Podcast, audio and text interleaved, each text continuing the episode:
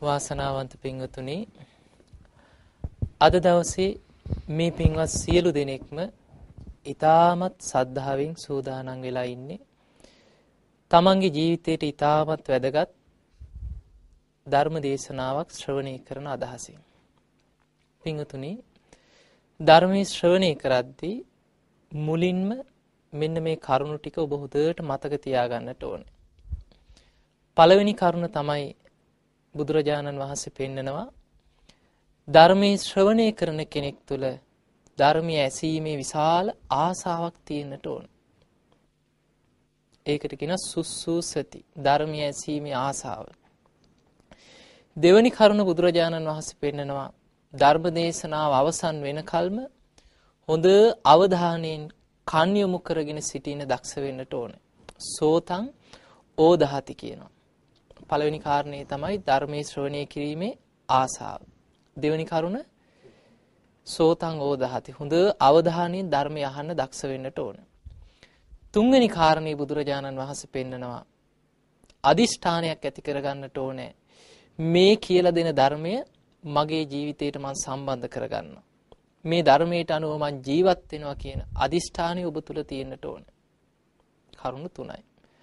හතරවෙනි එක තමයි අත්හං ගන්හාති කියන අදාළ ධර්ම කරුණු හොඳට මතක තියාගන්න දක්ෂ වෙන්නට ඕනේ. පස්වෙනි කරුණ පෙන්නනවා අනත්තං රිංචති.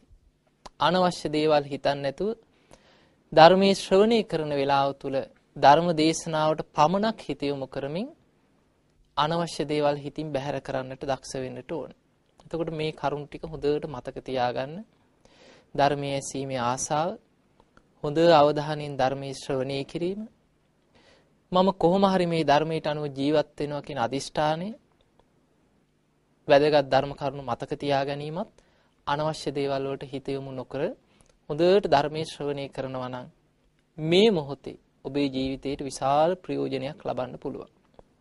පින්වතුනි බුදුරජාණන් වහන්සේ දවසක් උන්වහන්සේ සවැත් නුවර ජේතවනාරාමේ වැඩ සිටිද්දී බුදුරජාණන් වහන්සේ භික්ෂූන් වහන්සේලාට මේ සංසාර ගමනේ භයානකකම ගැන පෙන්වලා දෙනවා මෙන්න මේ විදිහේ දේශනාවකින්. ඒ දේශනාවේ නම අට්ටි කියන සූත්‍රය. අට්ටි කියන්නේ මේ ඇට සැකිල්ල. බුදුරජාණන් වහන්සේ වදාලා එක පුද්ගලයෙක්ගේ ලබන මනුස්ස ජීවිතවල කල්පයක් වගේ කාලයක් තුල කල්පයක් බුදුරජාණන් වහන්සේ පෙන්වනවා දීර්ඝ කාලයක් ඒකට බුදුරජාණන් වහන්සේ උපමා තුනක් පෙන්වලා දීලා තියෙනවා. එක උපමාවක් අපි ගත්තොත් යුදුන් හතක් දිග හතක් පළල හතක් උස විශාල ගල් පර්වතයක් අවුරුදු 100කට වතාවක් කෙනෙක් සිනිඳු සලුවකින් පිහදානවා. අවුරුදු 100කට එක වතාවයි. බුදුරජාණන් වහන්සේ වදාළ මේ විදිහට අවුරුදු 100කට එක වතාව බැගින් මේ පුද්ගලයා පිස දාලා ආයි ඊළඟ අවුරුදු 100 තව කෙනෙක් මේ ගල් පර්වතේ එක වතාවක් පිස දමනවා. යම් දවසක් එනවද මේ ගල් පර්වතය ඒ පිස දැමීම හේතු කරගෙන ගෙවිලා ගෙවිලා ගෙවිලා අවසන් වෙලා යන. අන්නේ තරම් කාලයක් කල්පේ හැටියට පෙන්නලා දෙනවා. බලන්න හිතා ගන්න බැරි ගණනින් කියන්න බැරි දීර්ඝ අවුරුදු ප්‍රමාණයක් කල්පේ හැටියට බුදුරජාණන් වහන්සේ පෙන්වනවා. ඉතින් එක කල්පයක් තුල එක පුද්ගලයෙක් ලබන මනුස්ස ජීවිතවල ඇටසැකිල්ල දිරලා පොළොවට පස්සුනේ නැත්නම් බුදුරජාණන් වහන්සේ වදාලා එක්කෙනෙක්ගේ ඇටසැකිලි විතරක් කල්පයක් තුල එකතු කරලා හිමාල කන්ද වගේ විශාල පර්වතයක් ඇටසැකිලි වලින් ගොඩනගන්න පුළුවන් කියනවා. බලන්න ඒ ඒ අනුව බලද්දී අපේ අපි මනුස්ස ජීවිත ලබලා කොයි තරම්නම් කල්පයක් තුල මේ මහ පොළොවට පස් වෙලා යනවද? එතකොට කෙනෙක්ගේ ජීවිතේ අපි මේ මහ පොළොවේ අඩිය තිය තියා ඇවිදගෙන යන සෑම පියවරක් පියවරක් පාසා සමහර විට අපි මරණයට පත් වෙලා පස් වෙලා ගිය තැන් ඕන තරම් ඇති. බුදුරජාණන් වහන්සේ කාලේ එක්තරා බ්‍රාහ්මණයෙක් කල්පනා කරා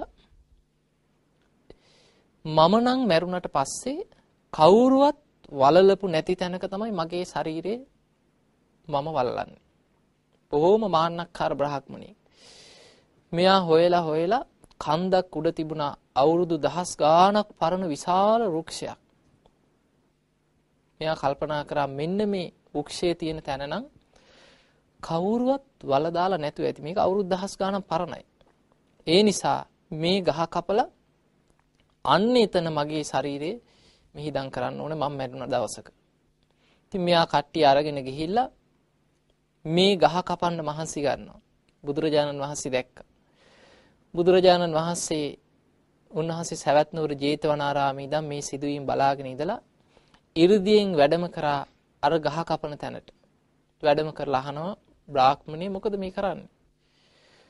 ස්වාමීනි භාග්‍යතුන් වහන්සේ මං කල්පනා කරා මේ එක එක්කෙනා වල දාපු තැන්වල මගේ ශරීරේ නම් මං වල දාන්නේ නැහැ.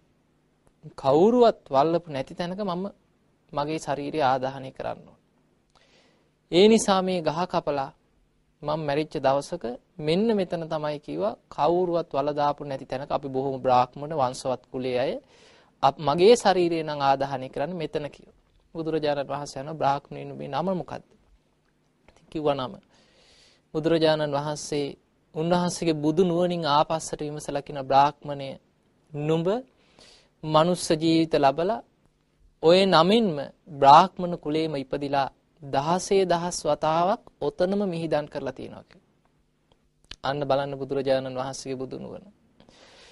එතකොට මේ මහා පොළොව කියන්නේ සොහොන් පිට්ටනියක්. අපේම ශරීර කී වතාවක් මේ මහ පොළොවට පස් වෙලා ඇද්ද? එතකොට මිනිස්සෙක් උපදිනවා කියන කාරණයක් මරණයටපත් වෙනවා කියන කාරණයක් 아무තු දෙයක් නෙමෙයි. දීර්ඝ සංසාරයේ දිහා බලද්දී. බුදුරජාණන් වහන්සේ පෙන්වන අනමතග්ගෝ යම් භික්කවේ සංසාරෝ පුබ්බා කෝටින පඤ්ඤායති. මේ දීර්ඝ සංසාර ගමන තුල කෙලවරක් හොයන්න පුළුවන් කමක් නැහැ. මේ ලෝකේ සත්‍යයන් දිහා බලද්දී තමන්ගේ අම්මනෝ වෙච්ච කෙනෙක් මේ සංසාර ගමන තුල හොයාගන්න පුළුවන් කෙනෙක් නැහැ. තාත්තා නොවෙච්ච කෙනෙක් හොයන්න පුළුවන් කෙනෙක් නැහැ.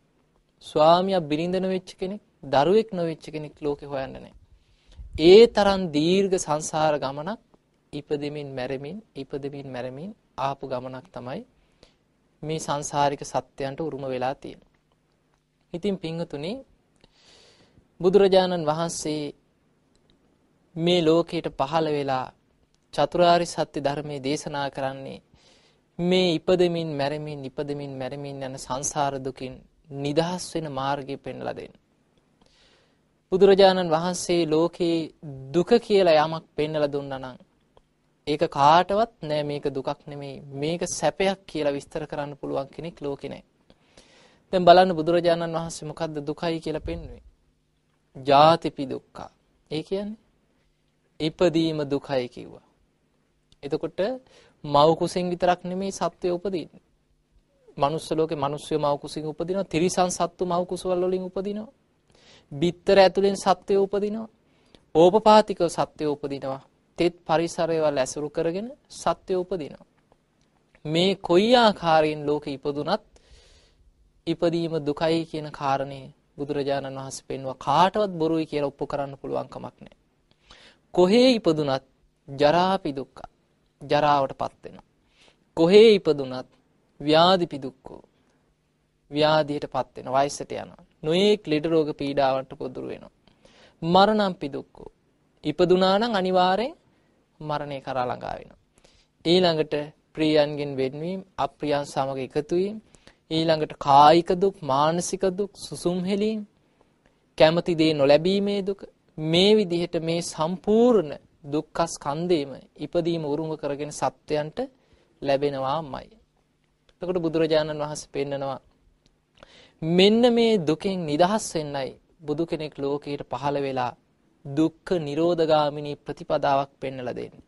දුකෙන් නිදහස් වෙන මාර්ගයක්. ආර්ය ශ්‍රාණික මාර්ගය පෙන්වලා දෙන්නේ සීල සමාධි ප්‍රඥා දියුණු කරලා මෙන්න මේ ඉපදෙමින් මැරෙමින් ඉපදෙමින් මැරෙමින් යන සංසාර දුකින් නිදහස් වීමටයි.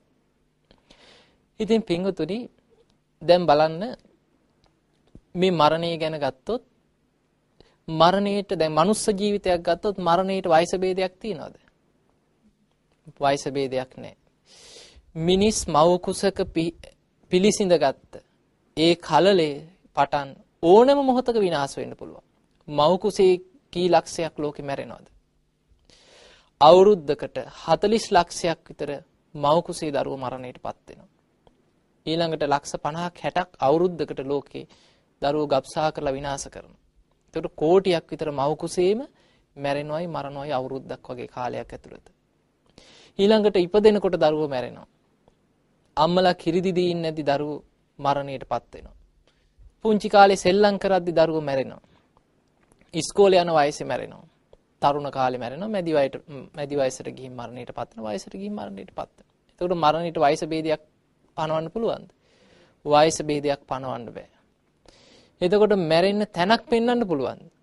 අසවල් තැන විතරයි මරණයටපත්. එහෙම තැනක් තියෙනවා නම් ඒ තැන මග ඇරලා ඉන්න පුළුවන්. එහෙම තැනක් නැහැ. වෙලාවක් නැහැ. සමහර විට නිදාගත්ත කෙනා නිින්දෙන් මරණයටපත් වෙනවා.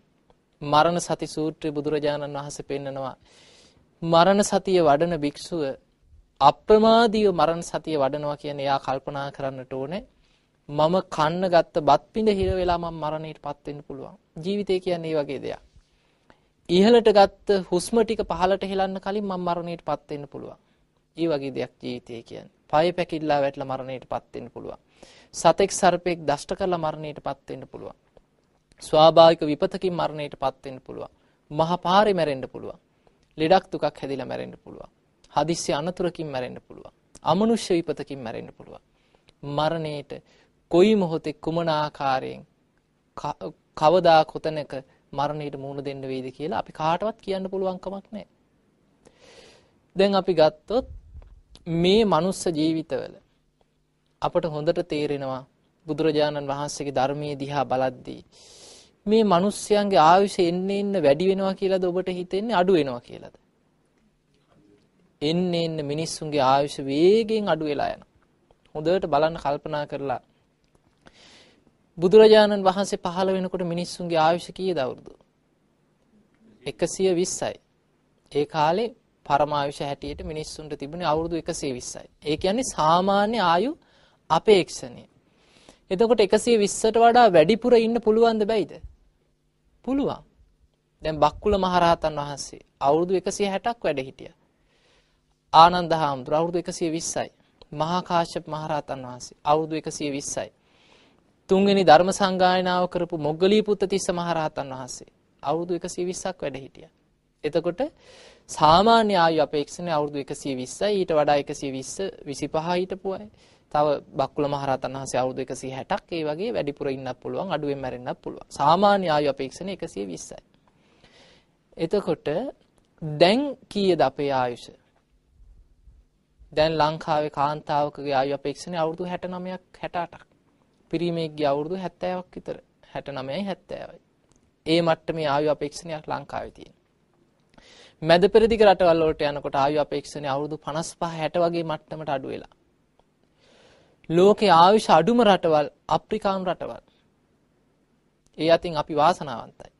මේ මනුස්ස ජීවිතය තුළ ලංකාව වගේ රටවල් වල ඒ ජීවත් වීමේ කාලය වැඩි. දැන් බලන්න අප්‍රිකානු රටවල ආයුෂත් අඩුයි ජීවත් වීමත් දුකයි. කන්නත් නැහැ. නොයේක් දුක් විඳගෙන ජීවත් වෙන්නේ. කාන්තාවකගේ ආයු අපේක්ෂානේ මධ්‍යම අප්‍රිකාවේ අවුරුදු 39ක් 40ක් විතර. පිරිමියෙක්ගේ අවුරුදු 38යි 40යි. අවුරුදු 45 50 පැනලා ජීවත් වෙන්නේ අප්‍රිකානු රටවල. විශාල ප්‍රමාණයක් ඒඩ්ස් වලින් මරණයටපත් වෙනවා. ඊළඟට මන්ද පෝෂණයෙන් නොඑක් ලෙඩ රෝග වලින් දහස් ගණන් මරණයටපත් වෙනවා. එතකොට අපි මේ ලෝකේ තියෙන සියලුම රටවල් අරගෙන මේ කෝටි 600ක් 650ක් ඉන්න ජනගහනය තුලින් සියලුම රටවල් අරගෙන දැන් මේ වෙනකොට මිනිස්සුන්ගේ ආයුෂ සාමාන්‍යයක් හැටියට ගත්තොත් මිනිස් ආයුෂ කීයක් විතර තියෙන්නේ? අවුරුදු 60ක් 65ක් විතර. අඩු වැඩි රටවල් ඔක්කොම අරගෙන බැලුවොත් අවුරුදු 60ක් විතර. අපි 60ක් කියමු. එතකොට බුදුරජාණන් වහන්සේ පිරිනිවන් පාලා දැනට අවුරුදු කීයද? අවුරුදු 2550 ගාණක් වෙනවා. අවුරුදු 2550යි කියමු. එතකොට අවුරුදු 2550ක් ඇතුළත මිනිස්සුන්ගේ ආයුෂ කොච්චරක් අඩු වෙලාද? අවුරුදු 120 ඉඳන් 60ට අඩු වෙලා. හරියට මිනිස් ආයුෂ භාගයකින් අඩු වෙලාද නැද්ද? අවුරුදු 2550ක් ඇතුළත මිනිස්සුන්ගේ ආයුෂ ලෝකේ භාගයකින් අඩු වෙලා. අනාගතයේ මේ ආයුෂ තවත් එන්න එන්න එන්න එන්න වේගෙන් අඩු වේගෙන අඩු වේගෙන අඩු වේගෙන ගිහිල්ලා කීයට මිනිස් ආයුෂ අඩු වෙනවද? අවුරුදු 10ට මිනිස්සුන්ගේ ආයුෂ අඩු වෙන කාලයක් එනවා. අවුරුදු 10ට මිනිස් ආයුෂ අඩු වෙන්න තව අවුරුදු වැඩි කාලයක් යන්නේ දැන් බලන්න අවුරුදු 2500 ගාණක් ඇතුළත අවුරුදු 60කින් ආයුෂ අඩු වුණා නම් තව අඩු වෙන්න තියෙන්නේ 50යි. ඔය 50 අඩු වෙන්න තව අවුරුදු 2000ක් 2200ක් වගේ යනකොට මිනිස් ආයුෂ අවුරුදු 10ට අඩු වෙනවා මිනිස්සුන්ගේ ලෝකේ. එතකොට මිනිස්සු නෙමෙයි ඉන්නේ මිනිස් වෙස්ෙන් ඉන්න තිරිසන් සමාජය. බුදුරජාණන් වහන්සේ දීඝනිකායේ චක්‍රවර්ති සීහනාද කියන සූත්‍රය පෙන්නනවා. ඒ වෙනකොට දෙමව්පිය අඳුරන්නේ නැති සහෝදර සහෝදරිය අඳුනන්නේ නැති මිත්‍යා දෘෂ්ටික සමාජයක් තියෙන්නේ ධර්ම මාත්‍රයක් නැති ලේ පිපාසෙන් ජීවත් වෙන මිනිස්සු තමයි ඒ වෙනකොට ඉන්නේ. එකිනෙකා මරාගෙන ලේ විලක් බවට ලෝකෙපත් වෙනවා. මෘග සංඥාව පහළ වෙනවා. මේ විදිහට විකෘති වෙච්ච මානසිකත්වයක් ඇති වෙනවා. බලන්න මිනිස් ආයුෂ වේගෙන් අඩු වෙවි අඩු වෙවි යන පරිසරයක තමයි අපි මේ මනුස්ස ජීවිතය ලබලා ඉන්නේ. මේ මනුස්ස ජීවිතය තුළ කොයිතරම් අනතුරු වලට අපි මුහුණ දෙනවද? ඔබ හොඳට කල්පනා කරලා බලන්න බුදුරජාණන් වහන්සේගේ එක දේශනයක් තියෙනවා. මහා සාල කියලා සූත්‍ර දේශනාවක්. මහා සාල කියන බ්‍රාහ්මණයා බුදුරජාණන් වහන්සේගෙන් අහනවා ස්වාමීනි මීට කලින් බුදුරජාණන් වහන්සේලාගේ කාලවල දීර්ඝ ආයුෂ විඳපු මිනිස්යන් ජීවත් වෙලා තියෙනවා. නමුත් වර්තමානයේ තුල මිනිස්සුන්ගේ ආයුෂ වේගෙන් අඩු වෙවි යනවා. මිනිස්සුන්ගේ ශරීර ශක්තිය වේගෙන් අඩු වෙනවා. ඊළඟට මිනිසුන් මරණයට පත්වෙන ප්‍රමාණය එන්න එන්න වේගෙන් වැඩි වේගෙට යනවා. ලෙඩ රෝග වර්ධනය වෙනවා. ස්වාමීනි භාග්‍යතුන් වහන්සේ මේ මිනිසුන් වේගෙන් මරණය කරා යන්න මිනිස්සුන්ගේ ආයුෂ අඩු වෙන්න ජනගහනය අඩු වෙන්න හේතු වෙන කරුණු මොනවද අහනවා. බුදුරජාණන් වහන්සේ වදාළ බ්‍රාහ්මණය මූලික වශයෙන් කරුණු තුනක් පෙන්නනවා. අධර්ම රාගය. අධර්මයේ රාගය කියන්නේ අධර්මයේ දුස්සීලකමෙන් ජීවත් වෙන්න තියෙන කැමැත්තට කියන අධර්ම රාගය. හොර බොරුවෙන් වංචාවෙන් දුස්සීලකමෙන් දුරාචාරයෙන් ජීවත් වෙන්න ආසයි මිනිස්සු. මිනිස්සු වැරදි කර කර ඒ වැරදි තුලින් සතුටක් හොයනවා. ඒ මිනිස්සු වැරදි කරන්න තියෙන ආසාවට කියනවා අධර්ම රාගය. මේක එන්න එන්න වර්ධනය වෙනවා. විෂම ලෝභේ වර්ධනය වෙනවා. මිත්‍යා දෘෂ්ටි වර්ධනය වෙනවා.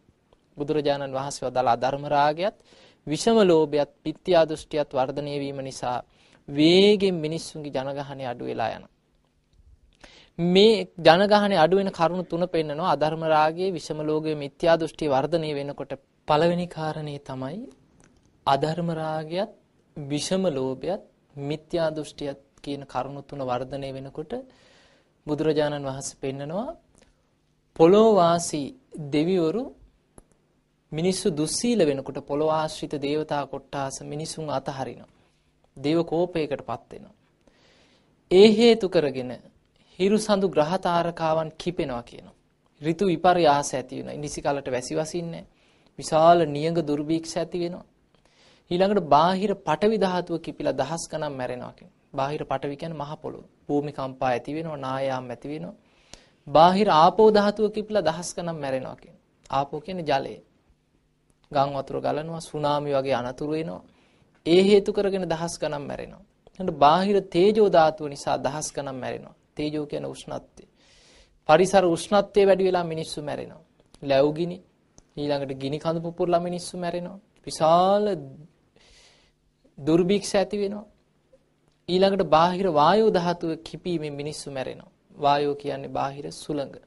සුලි සුලං කුණාටු නිසා දහස් ගණන් මැරෙනවා. මේ වගේ මිනිස්සු අධර්ම රාගයෙන් විෂම ලෝභයෙන් මිත්‍යා දෘෂ්ටියෙන් යුක්ත වෙනකොට ස්වාභාවික විපත් එන්නේ එන්න වර්ධනය වෙලා බුදුරජාණන් වහන්සේ වදාලා දහස් ගණන් ලක්ෂ ගණන් ගම් නියම් ගම් වල ඉන්න මිනිස්සු මරණයටපත් වෙලා වේගෙන් ජනගහනය අඩු වෙනවා කියන. ඒක කාරණය. දෙවැනි එක පෙන්නනවා අර වගේම මිනිස්සු අධර්ම රාගයෙන් විෂම ලෝභයෙන් මිත්‍යා දෘෂ්ටියෙන් වර්ධනය වෙලා මිනිස්සු දුස්සීල වෙනකොට එකිනෙකා එක එක කණ්ඩායම් වලට බෙදෙනවා. ආගම් අනුව කණ්ඩායම් හැදෙනවා. දේශපාලනය අනුව කණ්ඩායම් වලට බෙදෙනවා. ඊළඟට තම තමන්ගේ කුලමල අනුව කණ්ඩායම් වලට බෙදෙනවා. ගම් නියම් ගම් වලට බෙදෙනවා. රට රටවල් අනුව දේශ සීමා අනුව බෙදිලා යුද්ධ කරගන්න. බුදුරජාණන් වහන්සේ වදාලා මේ යුද්ධ වර්ධනය වීම නිසා මිනිස්සු අනාගතයේ දහස් ගණන් ලක්ෂ ගණන් මරණයටපත් වෙලා වේගෙන් ජනගහනය අඩු වෙනවා.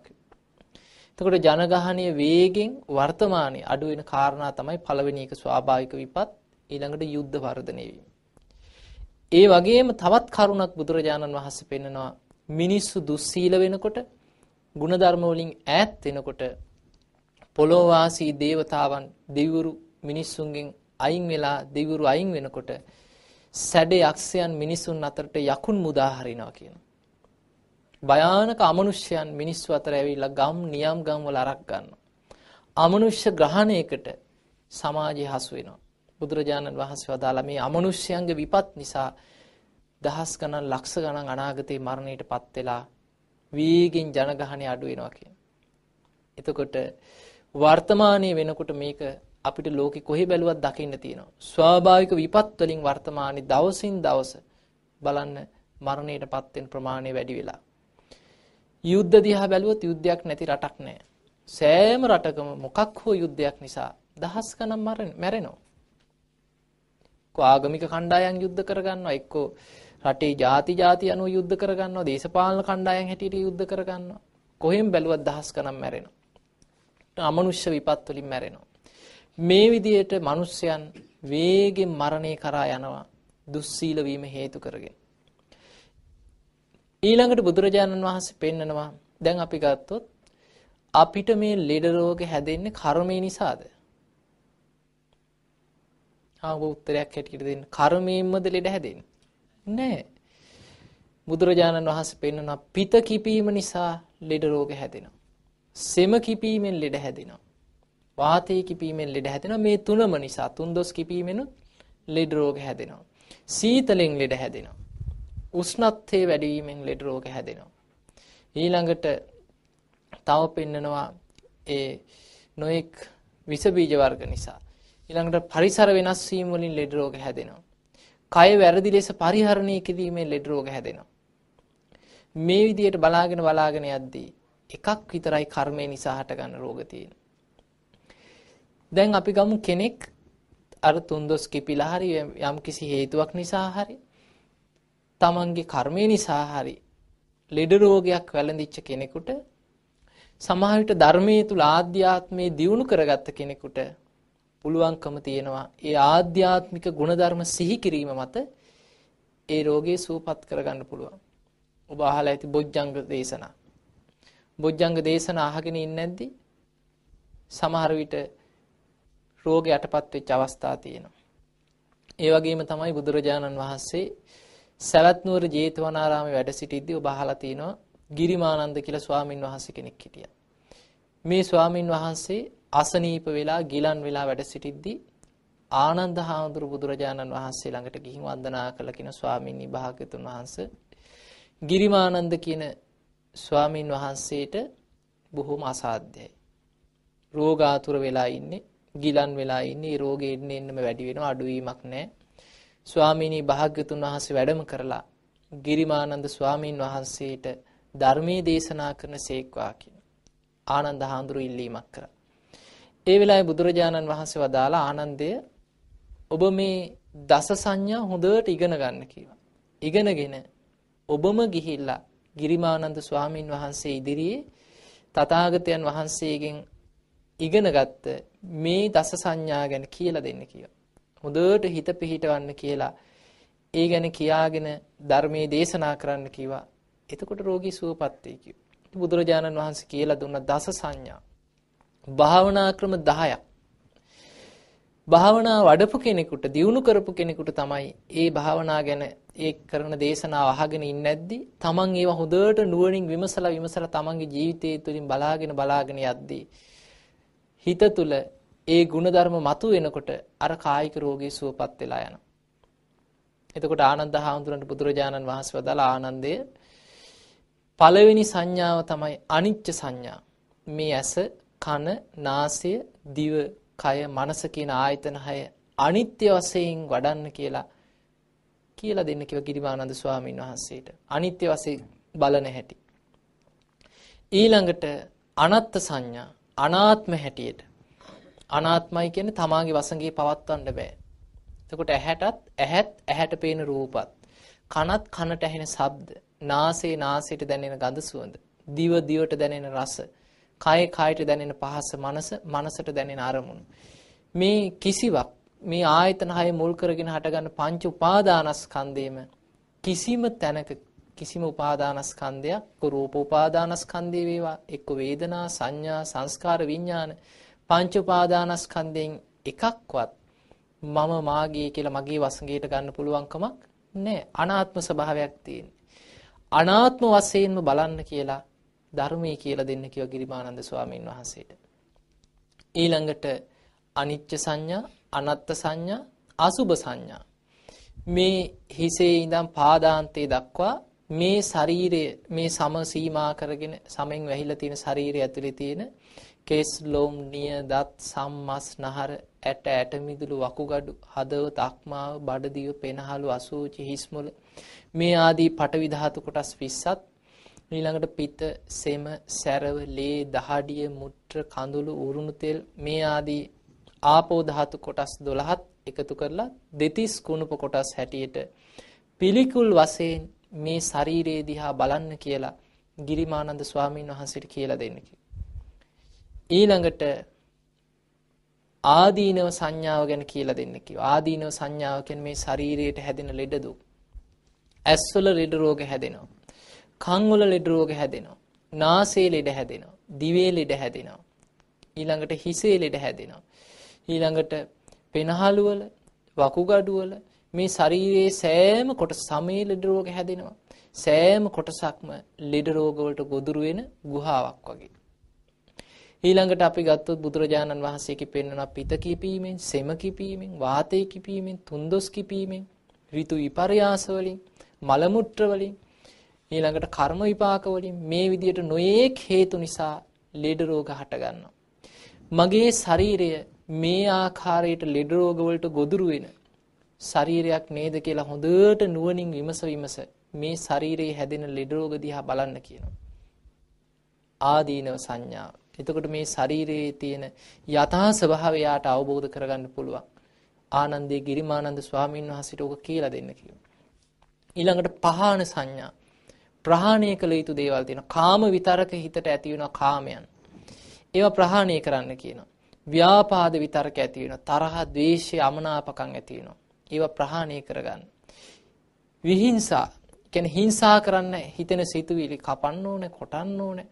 මුන් එකෙක් තියන්න ඕනේ. මේ වගේ විශාල ද්වේෂයත් එක්ක හිංසාකාරී සිතුවිලි හිතට ඇති වෙන මිනිස්සුන්ට.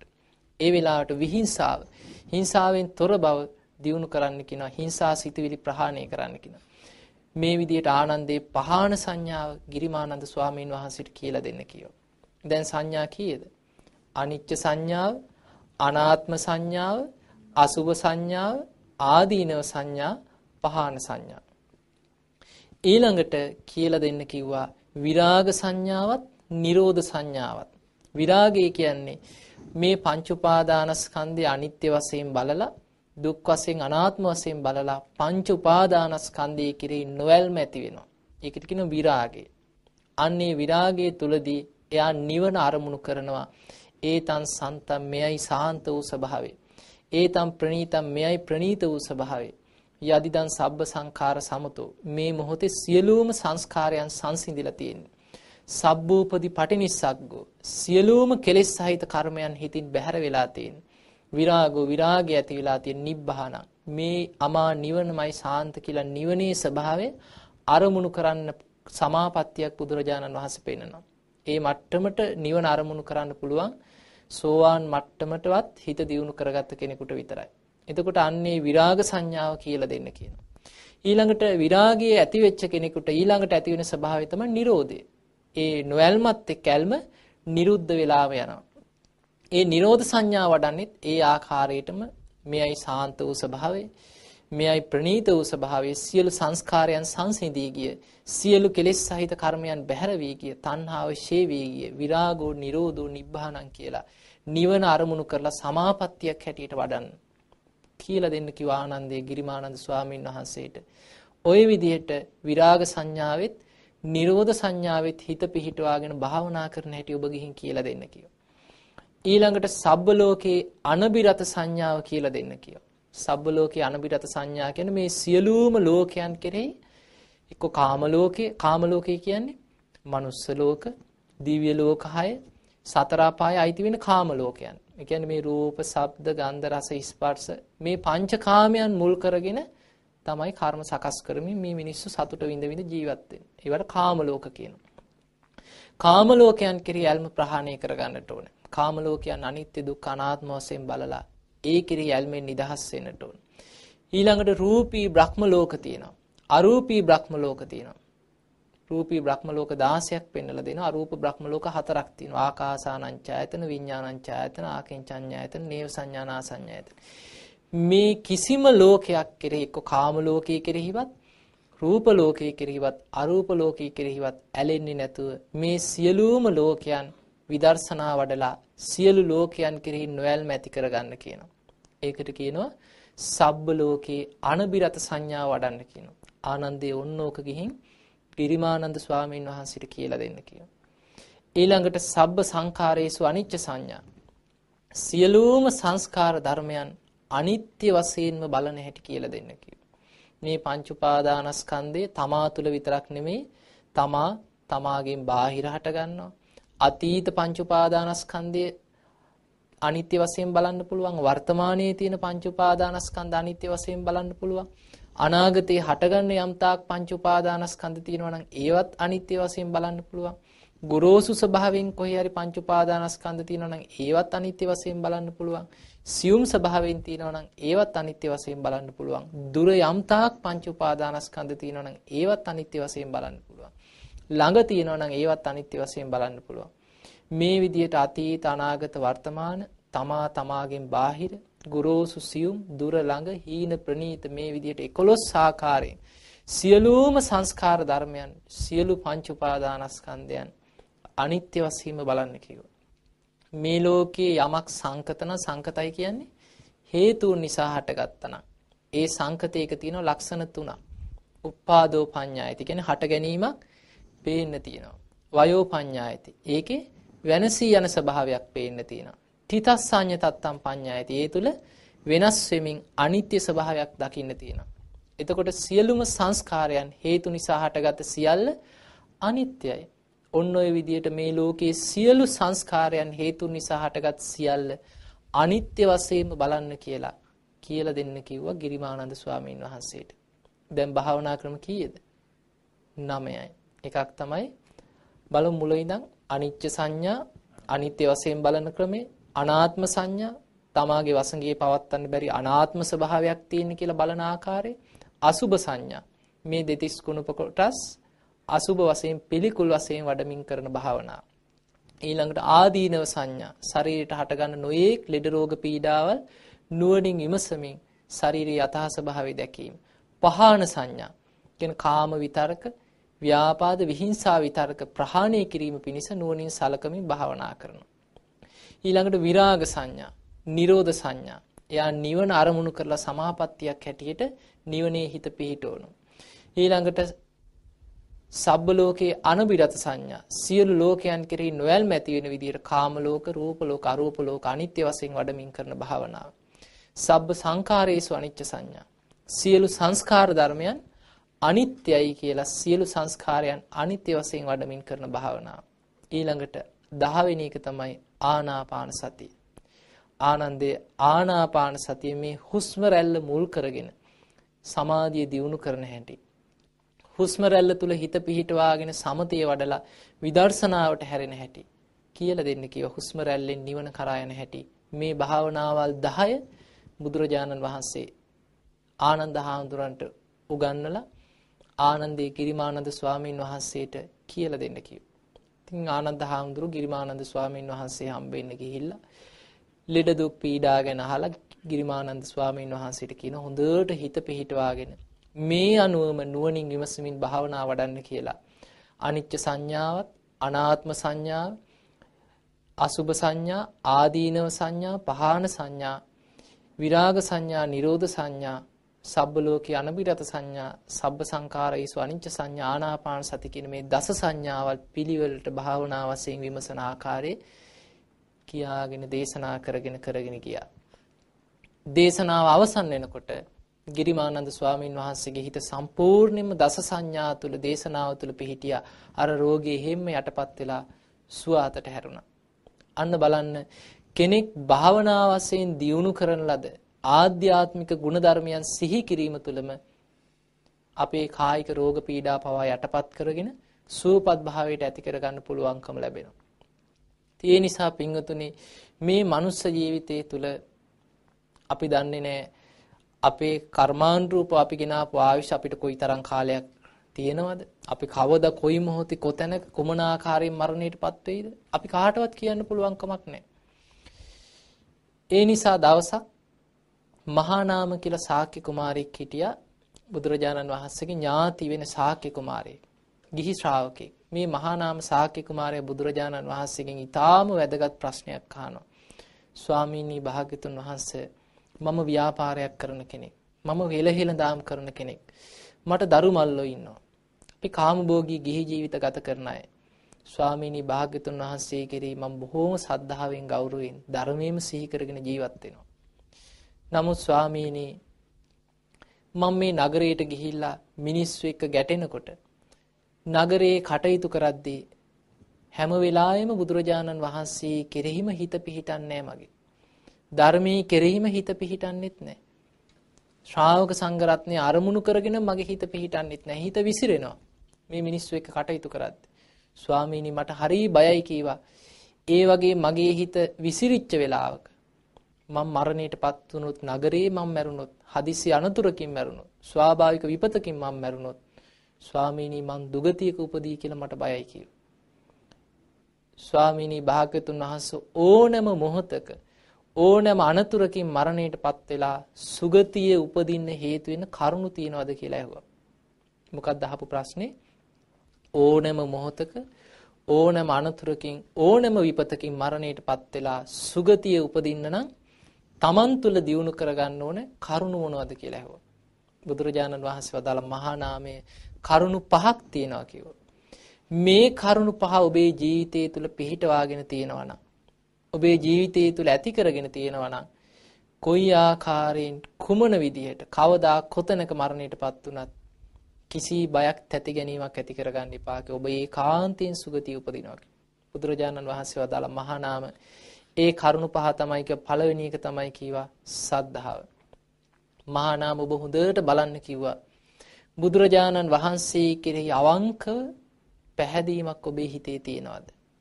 ධර්මයේ කෙරෙහි කාටවත් වෙනස් කරන්න බැරි විදිහේ පැහැදීමක් තියෙනවද? මාර්ගඵලලාභී ශ්‍රාවක සංඝයා කෙරෙහි කාටවත් වෙනස් කරන්න බැරි පැහැදීමක් තියෙනවද කියලා හොඳට තමන් තුලින් බලන්න කිව්වා. ඒතර තමන්ගේ ජීවිතයට එබිලා බලද්දි තමන් දිහා තමන්ට තේරෙනවා මම තුනුරුවන් කෙරෙහි අචල සද්ධාවකින් ඉන්න කෙනෙක්. හොඳ සද්ධාාවක් මා තුළ තියෙනවා. එයා නිරන්තරයෙන් බුද්ධානුස්සතිය වඩනවා. ධර්මයේ ගුණ සිහි කරමින් ධම්මානුස්සතිය වඩනවා. ශ්‍රාවක සංඝ රත්නයේ ගුණ සිහි කරමින් සංඝානුස්සතිය වඩමින් ජීවත් වෙන කෙනෙක්. බුදුරජාණන් වහන්සේ වදාළ මහා නාම තුනුරුවන් කෙරෙහි සද්ධාව තියෙනවා නම් එයා කොයි මොහොතේ මරණයටපත් උනත් ඒකාන්තයෙන් සුගතිය උපත කරා යනවා අන්න පළවෙනි කාරණේ සුගතිය උපදින්න හේතු වෙන සද්ධාව. දෙවෙනි කාරණේ බුදුරජාණන් වහන්සේ වදාළ මහා නාමයේ දෙවෙනි කාරණේ තමයි කීවා සිල්වත්කම.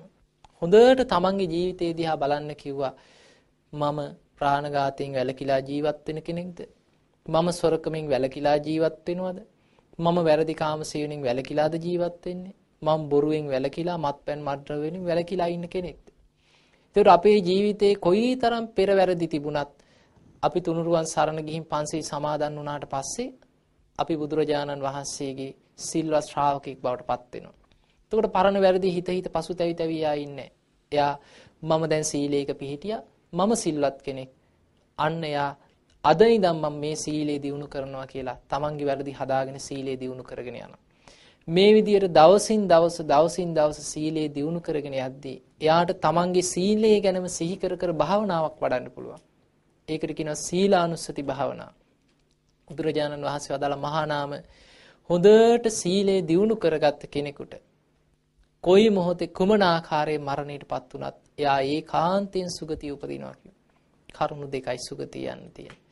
තුන්වෙනි එක තමයි කියව ධර්මඥානෙ.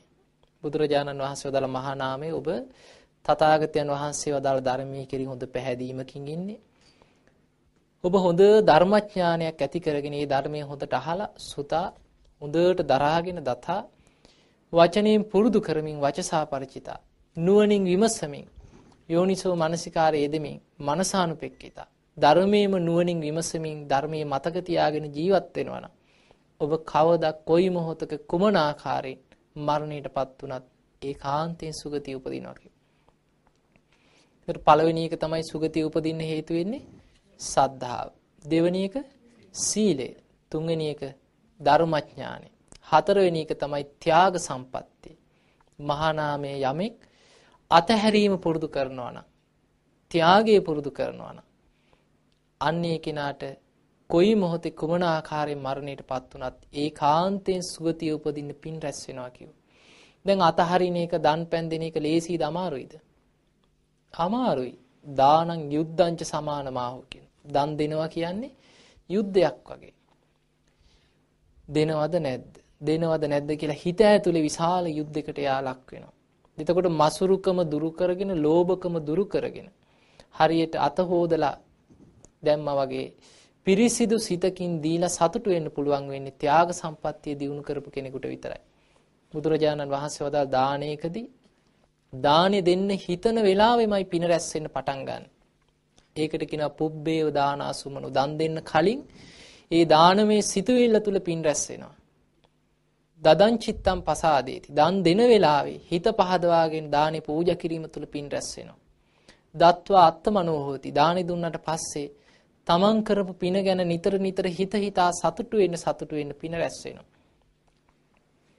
ඒ නිසා ඒක තමයි දැන් ඉස්සර මිනිස්සු බහලා ඇති පින් පොතක් තියාගන්නවා තමන් කරපු පින් දහම් ගැන නිතර නිතර සිහි කරනවා. එතකොට තමන් කරපු යහපත් දේවල් පින් දහම් හිතන්න හිතන්න ඒ තුල පින රැස් වෙනවා. පින ගැන නිතර හිතන්න ඕනේ. ඒක භාවනාවක්. ඒකට කියනවා ත්‍යාගානුස්සති භාවනාව කියලා. ත්‍යාගය අතහැරීම ගැන සිහි කර කර සතුටු වෙන්නට ඕන. එතකොට අපි අකුසලේ නම් හිතන්නේ අකුසල අකුසල් රැස් වෙනවා. අකුසලේ හිතන්න හිතන්න අකුසල් රැස් වෙනවා. කුසලයේ හිතන්න හිතන්න කුසල් රැස් වෙනවා. ඒ නිසයි බුදුරජාණන් වහන්සේලා පහළ වෙලා ලෝකයට පෙන්වලා දෙන්නේ සබ්බ පාපස්සා කරන. අකුසල් හිතන්නේ අකුසල් දුරු කරනවා. සියලු පාපී අකුසල් දුරු කරනවා. කුසලස උපසම්පදා. කුසල් දහම් තමයි නිතර නිතර වර්ධනය කරගෙන දියුණු කරගන්නේ. සචිත්ත පරියෝදාපණන් තමන්ගේ හිත තමයි ධර්මයේ තුල দমনය කරන්නේ. සමත විදර්ශනා වශයෙන් দমনය කරනවා. ඒ තම බුද්ධානුශාසන ඕක තමයි බුදුරුන්ගේ අනුශාසනා. එතකොට ත්‍යාගයේ අතහැරීම දියුණු කරනවා නම් පුරුදු කරනවා නම් කොයි මොහොතේ මරණයටපත් උනත් ඒකාන්තයෙන් සුගතිය උපදිනවා ඊළඟ කාරණේ තමයි ප්‍රඥාව. ප්‍රඥාව කියන්නේ මේ ඇස කන නාසය දිවකය මනස කියන ආයතන හය අනිත්‍ය වශයෙන් විමසමින් මේවා අනිත්‍යයි.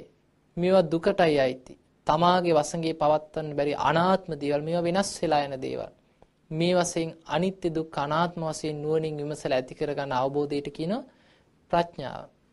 බුදුරජාණන් වහන්සේ වදාළ මහා නාම ඔබ බුදුරජාණන් වහන්සේ කෙරෙහි සද්ධාව ඇති කරගෙන තියෙනවනම් ඔබ සිල්වත් නම් ඔබ තුල ධර්මඥානයක් තියෙනවනම් ත්‍යාග සම්පත්තිය තියෙනවනම් ප්‍රඥාව දියුණු කරන්න ඔබ මහන්සි ගන්නවනම් ඔබ කවදා කොයි මොහොතේ කුමන ආකාරයෙන් කොතනක මරණයටපත් වුණත් බය වෙන්න එපා කි ඔබ ඒකාන්තයෙන් සුගතිය උපදිනවා අන්න බලන්න අපට තියෙන ආරක්ෂාව. ඒ නිසා නිරන්තරයෙන් දවස ගානේ තමන්ගේ ජීවිතේ දිහා බල බලා බල බලා දියුණු කරගන්න ඕනේ කරුණු පහක් තමයි ඔය. මොනවද? සද්ධාව, සීලය, ධර්මඥානෙ, ත්‍යාග සම්පත්තිය, ප්‍රඥාව කියන කරුණු පහ. මේවට කියනවා සීක බල කියලා. සීක කියන්නේ ධර්ම මාර්ගය යන ශ්‍රාවකයට තියෙන බල ධර්මයන්. ගුණ ධර්මයන් පහක් තියෙනවා. මේක දියුණු කරගන්න ප්‍රායෝගික ක්‍රමයක් මම ඔබට කියලා දෙන්නම්. ප්‍රායෝගික ක්‍රමේ තමයි දැන් ඔබ දැන් අද මේවා ගැන ඉගෙන ගත්තා. දැන් ඔබ අද අදිෂ්ඨානයක් ඇති කරගන්න.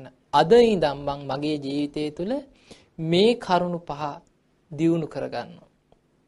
ඔබ දැන් අද රෑ නිදාගන්න ගියාට පස්සේ කල්පනා කරන්න අද දවස තුළ මං කොහොමද ගත කරේ? අද දවසේ මං සද්ධාව ඇති වෙන විදිහට කටයුතු කරාද? තුනුරුවන් කෙරෙහි පැහැදීමට හානි වෙන දෙයක් මං කරගත්තද? මං අද දවස තුල මේ මේ ශික්ෂාපද ආරක්ෂා කරගත්තද? අපි ගමු සීලය ගැන සිහි කරද්දි මතක් වෙනවා ආ මගේ අතින් බොරුවක් කියුණා. සතෙක් මැරුණා. එතකොට මොකද කරන්නේ? නිදා ගන්න කලින් ආයෙමත් සිල් සමාදන් වෙලා අදිෂ්ඨානයක් ඇති කරගන්නවා මං ආයේ මේ ශික්ෂාපද කඩන්නේ. දැන් මං සිල්වත් කෙනෙක්. අන්න සීලයේ දියුණු කරන හැටි. ඊළඟට මම ආද ධර්මයේ දියුණු කරත් පොතක් පතක් හරි කියවලා ධර්මඥානෙ වර්ධනය කරාද? ධර්මයේ මං විමසුවද? ඊළඟට මම මගේ ශක්ති පමණින් අද අතහැරීමක් පුරුදු කරාද? මම නුවණින් විමසලා මේ අනිත්‍යයි කියන කාරණේ අවබෝධ කරගන්න මං විනාඩි කිහිපයක්වත් අනිත්‍ය වශයෙන් බැලුවද? මේ විදිහට තමන්ගේ ජීවිතය තුළ අර සද්ධාව, සිල්වත්කම, ධර්මඥානෙ, ත්‍යාගයේ ප්‍රඥාව කියන පහ අද දවස තුල මං කොහොමද දියුණු කරන්න මහන්සි ගත්තේ කියලා කල්පනා කරන්න. කල්පනා කළා මම මේවා දියුණු කරගන්නවා කියන අදහසින් ඒ ಗುಣධර්ම සිහි කරලා ධර්මයේම සිහි කරගෙන නිදා ගන්න. ඇයි අපි නිින්දෙන් මරණයටපත් වෙන්නත් පුළුවන්. ඒක ධර්මයේ සිහි කරලා නිදාගත්ත කෙනාට නිින්දෙන් අනතුරක් නැහැ. ආරක්ෂා වෙලා තියෙනවා. හොඳට සුගතියේ හිත පිහිටවගෙන ධර්මයේම සිහි කරගෙන නිදා ගන්න. උදේ නැගිට්ටට පස්සේ කල්පනා කරනවා ඊයේ රාත්‍රියේ නම් මම නිින්දෙන් මැරුන්නේ යන්තම් බේරුණා. නමුත් අද දවස තුල මං කොයි වෙලේ හරි මැරෙන්න පුළුවන්. හදිසි අනතුරකින් මැරෙන්න පුළුවන්, වැටිලා මැරෙන්න පුළුවන්, හැප්පිලා මැරෙන්න පුළුවන්. අඩු ගානේ බෝම්බකින් මැරෙන්න පුළුවන් මහා පාරේ යද්දී. කොච්චර විපත් තියෙනවද? ඒ නිසා අද දවස තුල මං මේ දවල් කාලය තුල මං සද්ධාව දිනු කරන්න මහන්සි ගන්නවා. ශික්ෂාපදයක් කඩන්න නැතුව සීලය දිනු කරගන්න මහන්සි ගන්නවා. ධර්මඥානෙ දිනු කරන්න මහන්සි ගන්නවා. ත්‍යාගයේ ප්‍රඥාව දිනු කරන්න මහන්සි ගන්නවා කියලා දවස තුල මේ කරුණු පහ ඇති කරගන්න උදේම අදිෂ්ඨානයක් ඇති කරගෙන ඇඳෙන් බහින්. මේ දවස ගත කරපු ආකාරي රාත්‍රී නිින්දට ගිහින් කල්පනා කරන්න. මේ විදිහට ඔබ දවසින් දවස ඔබේ ජීවිතේ දිහා බල බලා බල බලා ප්‍රායෝගිකව මේ කරුණු පහ දිනු කරන්න මහන්සි ගත්තොත් මාසයක් දෙකක් යනකොට ආපස්සට හැරිලා බලද්දී ඔබටම තේරෙයි මේ මාස දෙක තුල කොයිතරම් මං සද්ධාව දිනු කරලා තියනවද කොයිතරම් මං සීලය දිනු කරගත්තද කොයිතරම් ධර්මඥානෙ ත්‍යාගයේ ප්‍රඥාව දිනු කරාද කියලා තමන්ටම තමන් ගැන ආපස්සට බලලා සතුටු වෙන්න පුළුවන්කම තියෙනවා අන්න ඒ නිසා පින්වතුනි හොඳට කල්පනා කරගන්න අපේ ජීවිතේ දවසින් දවස මොහොතින් මොහොත ශනේන් ශනේ මරණය කරා ළඟා වෙනවා. දැන් බලන්න අද මේ කරපු ධර්ම දේශනාවේ සාරාංශයක් හැටියට ඔබ හොඳට බලන්න. අපේ ශරීර මනුෂ්‍ය ජීවිත ලබලා මරණයටපත් වෙච්ච අවස්ථා කොයිතරම්ද ගණන් කරලා අවසන් කරන්න බෑ. මහා පොළොවේ අපි අඩිය තියෙන වාරයක් වාරයක් පාසා අපි පස් වෙලා ගිය තැන් ඇති. එවැනි දීර්ඝ සංසාර ගමනක් තියෙන්නේ. මරණයට වයස ભેදයක් නැහැ. එන්න එන්න මිනිස් ආයුෂ අඩු වෙවි අඩු වෙවි ඇවිල්ලා ඊටාම පුංචි ආයුෂක් අපිට තියෙනවා. ඒ නිසා මේ ආයුෂ ටිකත් කොයි මොහොතේ කුමන ආකාරයෙන් ගෙවිලා අවසන් වෙයිද කියලා අපිට කියන්න පුළුවන් කමක් නැහැ. ඒ නිසා පින්වතුනි කවදා කොතැනක කොයි මොහොතේ කුමන ආකාරයෙන් මරණයටපත් වුණත් අපි කාගේ ජීවිතවලට ආරක්ෂාවක් පිණිස කරුණු පහක් බුදුරජාණන් වහන්සේ පෙන්වනවා. ඒ තමයි සද්ධාව, සීලය, ධර්මඥානෙ, ත්‍යාග සම්පත්තිය ප්‍රඥාව. ඒ නිසා මේ පින්වතුන් අදිෂ්ඨානයක් ඇති කරගන්න. මේ ලැබිච්ච මනුස්ස ජීවිතයේ ගෙවිලා යන්න කලින් මගේ ජීවිතය තුල මං බුදුරජාණන් වහන්සේගේ ධර්මයට අනුව සද්ධාව දියුණු කරගන්නවා, සීලය දියුණු කරගන්නවා, ධර්මඥානෙ දියුණු කරගන්නවා, ත්‍යාග සම්පත්තිය ප්‍රඥාව දියුණු කරගෙනම මේ ජීවිතය තුලදීම ධර්මයේම අවබෝධ කරගන්න මහන්සි ගන්නවා කියන අදිෂ්ඨානය ඇති කරගන්නට ඕන.